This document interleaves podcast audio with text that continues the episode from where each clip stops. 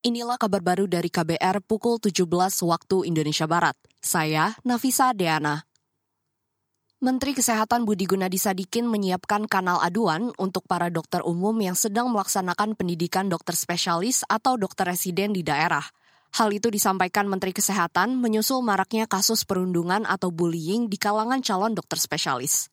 Budi mengatakan pihak kementerian bakal membuat laman khusus dan nomor pengaduan bagi para korban perundungan yang juga merupakan rumah sakit-rumah sakit pendidikan besar, disiplin untuk memutus praktek perundungan pada program pendidikan spesialis kedokteran akan kita jalan. Dan kita akan jalankan dengan tegas dan keras. Kalau nggak, nggak bisa put. Dengan cara apa? Dengan cara nanti kita akan ada website, semua yang merasa terganggu, seperti yang tadi saya sebutkan, atau yang melihat ada sahabatnya diganggu, atau ini orang tuanya merasa anaknya jadi terganggu, boleh masuk. Ini akan langsung masuk ke Inspektur Jenderal. Jadi nggak akan lewat rumah sakit lagi. Menteri Kesehatan Budi Gunadi Sadikin menambahkan, para dokter residen yang menjadi korban bullying di rumah sakit vertikal bisa melapor melalui laman perundungan.kemenkes.go.id dan laporan perundungan Kemenkes di nomor 0812 9979 9777. Budi juga menegaskan akan memberikan sanksi tegas bagi para pelaku perundungan calon dokter spesialis di lingkungan kesehatan.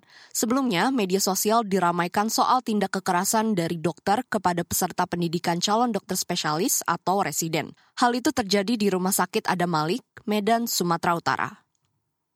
Kita ke informasi pemilu.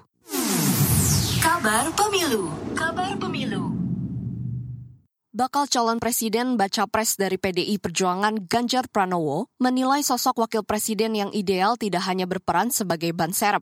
Menurutnya, wakil presiden harus potensial dalam mengerjakan sejumlah bidang, salah satunya di sektor ekonomi. Ketika ada potensi yang sangat bagus, maka jangan jadikan sebagai ban serep. Meskipun secara konstitusional sebenarnya seperti itu misinya.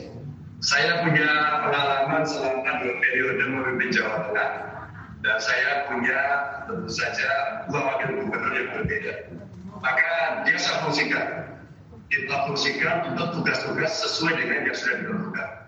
Bakal calon presiden dari PDI Perjuangan Ganjar Pranowo menambahkan, kriteria wapres yang ideal harus memiliki visi yang sama atau dui tunggal visi bersama presiden yang didampinginya. Gubernur Jawa Tengah ini juga menginginkan sosok calon wakil presiden yang energik dan bisa mengeksekusi beberapa pekerjaan.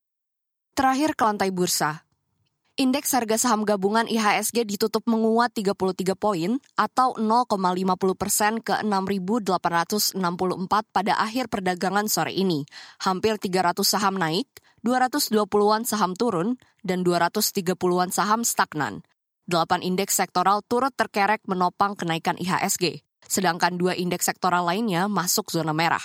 Penguatan juga terjadi pada nilai tukar rupiah. Rupiah bertahan menguat terhadap dolar Amerika hingga tutup pasar hari ini. Rupiah di pasar spot ditutup di level 14.986 rupiah per dolar Amerika atau menguat 0,07 persen dibandingkan penutupan Selasa kemarin. Adapun mata uang won Korea menjadi mata uang dengan pelemahan terdalam di Asia setelah ditutup anjlok 0,3 persen. Inilah kabar baru dari KBR pukul 17 waktu Indonesia Barat. Saya Nafisa Deana.